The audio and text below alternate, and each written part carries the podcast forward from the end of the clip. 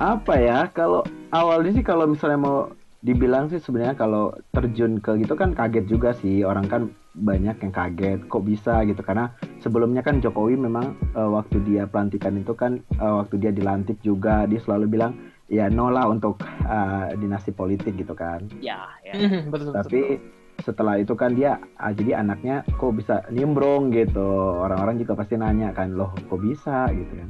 Jadi seolah-olah kayak ada ya ada membangun dinasti politik lah gitu. Kaget Terus, sih. Yang apa? bikin kak yang bikin kaget tuh Gibrannya sendiri pernah ngomong bahwa eh, jangan sampai ada dinasti politik di Indonesia, tapi dia sendiri Ya, tiba-tiba nyalonin tuh. betul ya. Kita nggak tahu sih itu kan apakah dinasti politik atau sebenarnya enggak gitu kan. Cuman eh, kalau orang melihatnya dari sisi kacamata kita kan seolah-olah kayak itu membangun dinasti kan. Ya, ya, ya. karena seolah-olah memanfaatkan situasi eh, orang tuanya lagi menjabat jadi presiden makanya gua nimbrung gitu kan Hmm. kenapa nggak nunggu na- ntar aja gitu nunggu ya udah Jokowi beres Lengser dulu 2024 ya.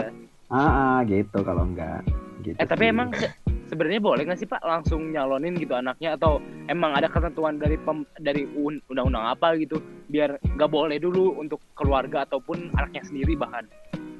Enggak sih kalau aturan dari pemerintahnya sih maksudnya aturan negara sih nggak ada karena kan kalau apa namanya kalau orang mau berpolitik itu kan hak konstitusional konstitusional setiap orang kan jadi hak Ya. setiap orang sih hak dipilih memilih gitu kan ya Iya, mau iya. mau lo anak presiden mau lo anak siapa kalau lo memang punya kompeten ke situ ya kenapa enggak gitu kan cuman Ya. masalahnya orang-orang tuh sekarang orang-orang tuh sekarang kayak lagi nanya ya emang eh, kontribusinya Gibran itu udah sejauh mana sih di politik gitu kan Ya, Jadi iya, makanya- bener-bener. ya kan makanya dia sampai kok bisa dia baru kayak baru-baru baru anak bawang lah maksudnya gitu di politik tiba-tiba langsung ngajuin diri gitu kan jadi seolah-olah Hmm. orang ngiranya wah ini ada campur tangan dari bokapnya gitu sih Ya, ya, ya. Oleh yang saya baca Pak ya dari berita-berita kan kan si Gibran itu di sebelumnya ini dulu kan ya eh, saingan dulu sama yang sesama PDIP-nya kan di tes mereka dulu. Nah katanya. Si Pak siapa sih tuh yang Pak Pur- sekarang lagi wakil wali Purnomo? Purnomo kalau nggak salah Ah iya. itu Nah, menurut si Bapak Purnomo ini dia itu nggak jadi maju karena udah diatur gitu sama si jadi si Pak Jokowinya nih. Ini menurut berita yang saya baca ya, bukan saya ngomong. Mhm. Jadi eh, Jokowi kan ada tuh yang sempat dia datengin orang buat diskusi ke Istana Negara yang sempat kasus juga tuh kata menyalahgunakan fasilitas negara. Ya. Nah dia tuh ngomong nih kayak eh, si ketuanya, ketua apa namanya perwakilan daerah PDIP Mhm. ya dalam tanda kutip kayak dititipin lah untuk maju gitu ntar kamu saya Hmm. kasihin jabatan nih ke depannya Hmm. kayak gitu Ah. pak Eh, Sebenarnya itu udah masuk nepotisme ya Pak ya? eh, sebenarnya sih kalau misalnya yang Pak Agus lihat dari hanya sih ada kayak mereka buka bincang-bincang gitu sih kalau di ada di beberapa program televisi gitu ya kan ngundang si Pak Purno eh, Purnomonya langsung kemudian dia cerita Mhm. sih dia ngapain dipanggil ke presiden eh dipanggil presiden ngapain. Kalau nggak salah di acara Rossi gitu sih tahu kan acara Rossi gitu. Ya, ada Masih, acara. Hmm. Ah, ah, jadi dia dipanggil gitu ceritain lah maksudnya lo ngapain aja? Kalau pas waktu dipanggil sama Jokowi gitu kan sama Pak Jokowi Iya. gitu ngapain? Tahu-taunya gitu mau kan. main Mobile Legend gitu kan.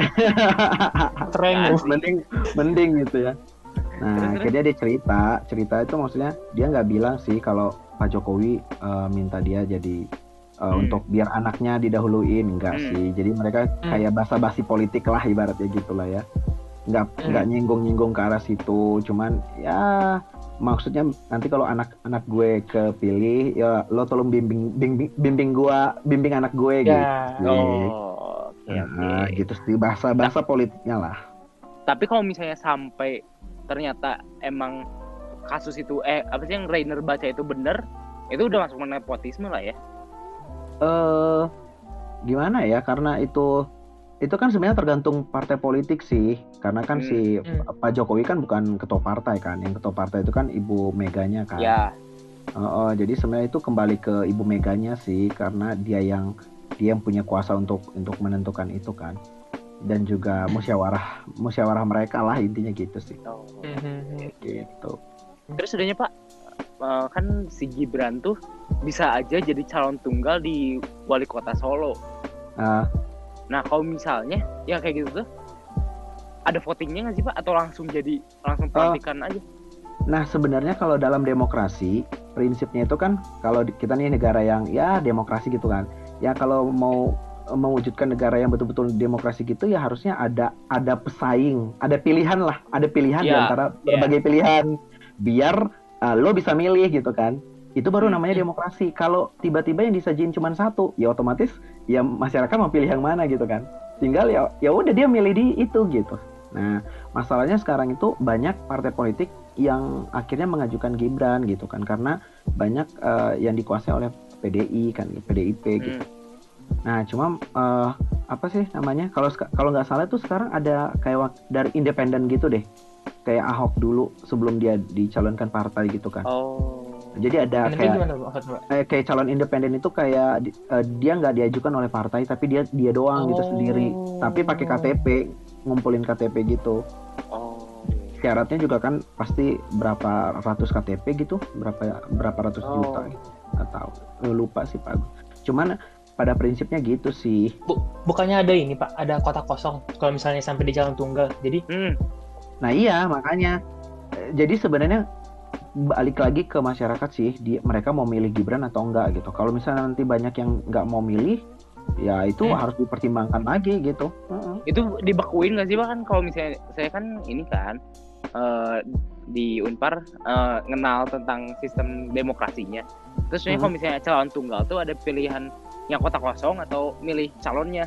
Tapi kalau misalnya Ah. banyak yang milih kota kosong, nanti saya dibekuin kayak antara himpunannya atau BEM-nya gitu. Kalau misalnya di wali kota sendiri gimana, Pak? kalau di wali kota sendiri sih kalau menurut Pak Agus ya itu kan kayak nggak bu- bukan langsung tiba-tiba dia langsung kayak ya udah dibekuin gitu enggak sih Hmm. jadi itu eh, apa koreksi lagi buat eh, buat partai politiknya juga berarti kan masih ini kembali lagi ke masyarakat berarti kan orang menilai bahwa calon yang mereka bawa itu kan nggak disetujui sama masyarakat kan gitu. Oh. itu sih. Jadi akhirnya bisa jadi kayak pemilihan lagi atau ya justru harus ada kan? Nah itu tadi yang dibilang. Makanya dalam sebuah demokrasi itu untuk menghindari adanya yang seperti itu harusnya ada pilihan di antara pilihan gitu. Jadi karena selama ini kan yang yang bikin orang nggak percaya itu kan karena dia nggak kenal tokohnya sekarang kan Hmm. orang percaya sama Gibran Ya. pasti orang percaya. Kenapa? Karena ya Ya. anak presiden gitu kan. Ya. kemudian dia solo a- a- a- asli solo ya otomatis sih. Itu mah kayaknya masyarakat solo juga kayaknya percaya percaya aja gitu. Ya ya ya. ya mas.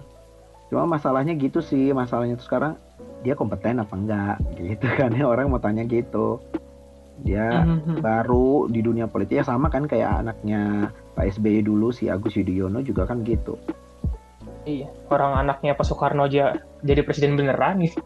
Heeh, Benar, benar. iya ibu, Kenapa ibu Gibran nggak bisa?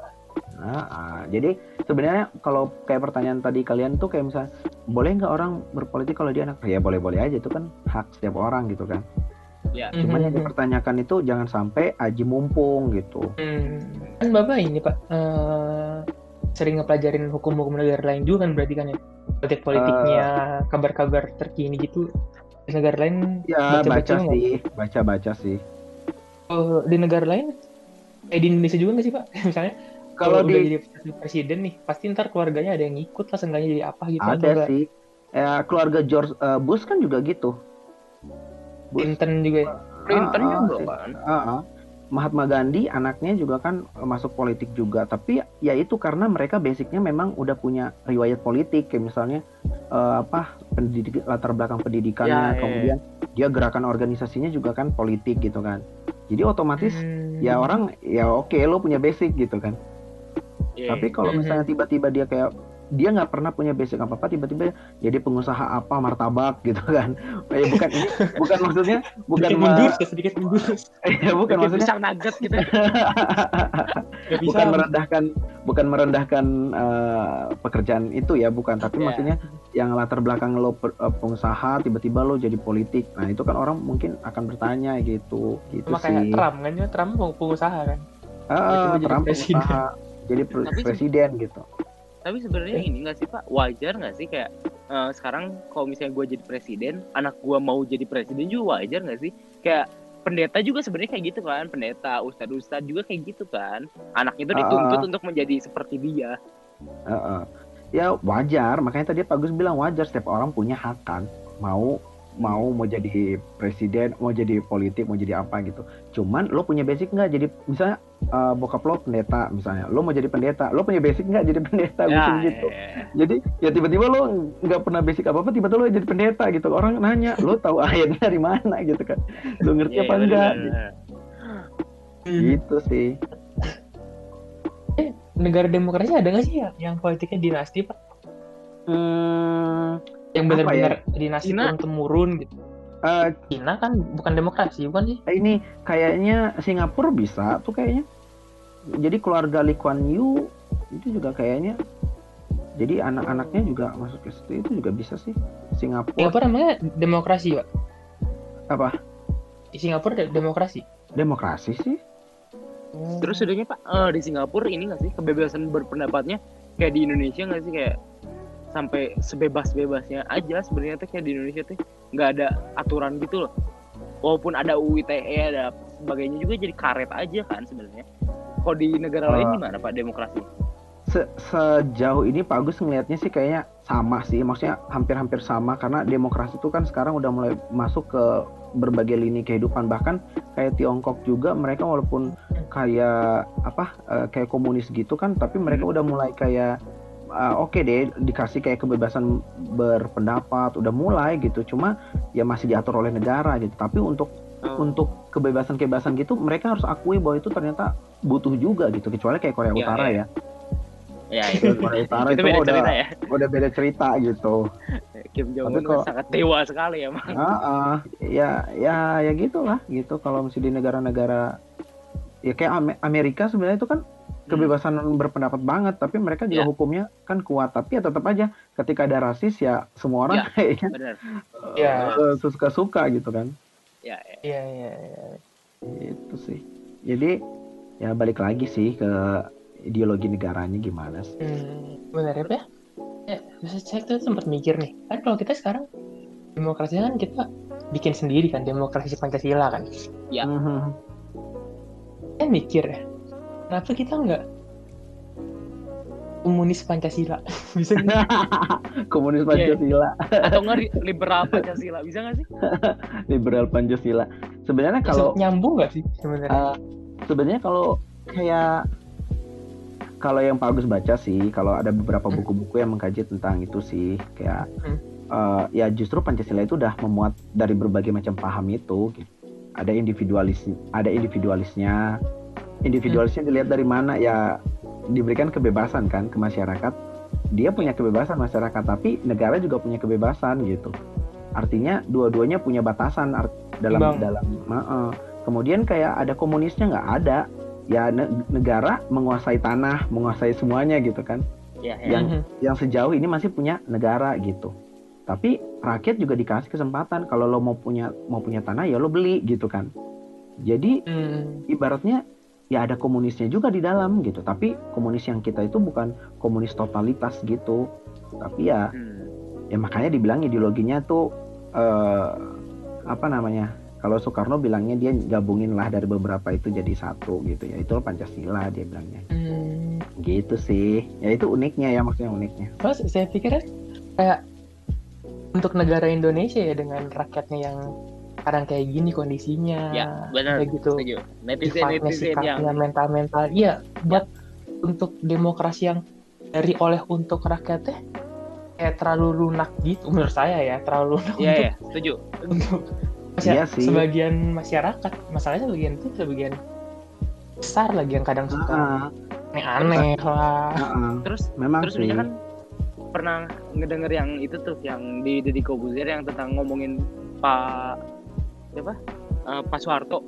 Katanya zaman Pak Soeharto tuh walaupun mereka eh, ya tegas parah cuman jadi rakyatnya juga teratur parah gitu. Beda sama sekarang yang di mana katanya demokrasi tapi jadi rakyatnya rebel gitu loh. Bisa seenaknya Hmm. kayak tiba-tiba di Twitter hashtag Jokowi turun gitu-gitu loh. Mm-mm. ya itu sih maksudnya se- sebenarnya kalau setiap presiden kalau kita lihat kelemahannya pasti ada semua presidennya. Kelebihannya Hmm. juga pasti ada gitu cuma Hmm. ya itulah namanya eh, demokrasi itu kan selalu berkembang ya untuk Hmm. untuk mencapai suatu negara yang ideal ya pasti dia dinamis gitu Hmm. kalau memang orang misalnya orang tuh ada yang dulu tinggal di zamannya Suka- eh, Soeharto misalnya ya dia ngerasa bahwa aman gitu tapi lo hidup aman tertib tapi lo nggak bebas gitu jadi kayak Hmm. ya sama aja gitu kan lo kayak aman gitu tapi lo nggak ngerasa bebas di zaman itu gitu lo mau ngeluarin pendapat juga ya nggak sebebas sekarang gitu jadi semua itu kayak dibungkam gitu loh yang penting lo ikut pemerintah jadi otoriter kan Hmm.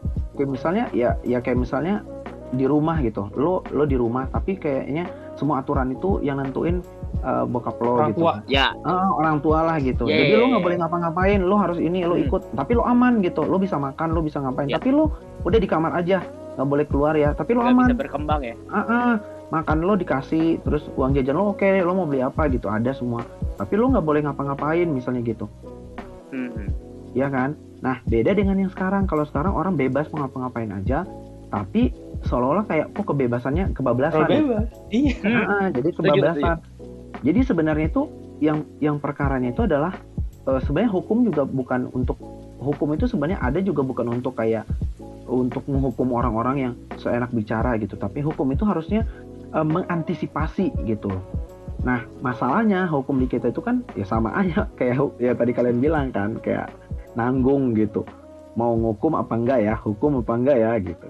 Iya. Jadi itu sebenarnya kritik buat mereka sih penegak hukumnya gitu ya kan. Bapak disuruh pilih, Bapak mendingan mana? Apa?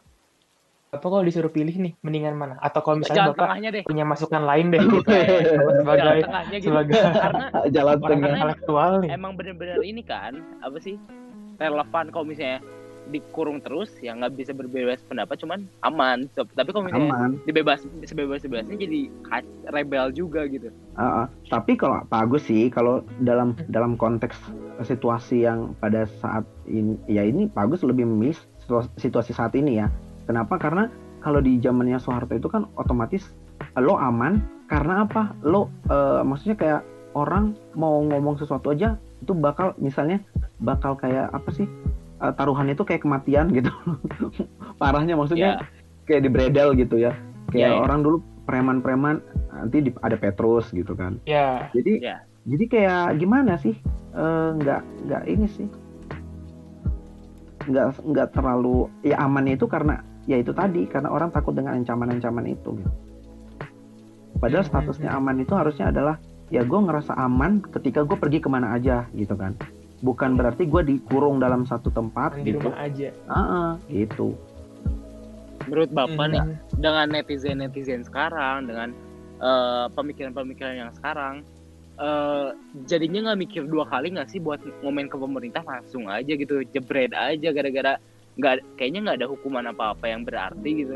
Jadi kayak ya udah langsung jebret aja. Kan waktu zaman Soeharto mungkin gue sebagai be- eh, memberikan pendapat harus mikirnya juga beberapa kali Mm-mm. dan harus kayak valid gitu kalau misalnya.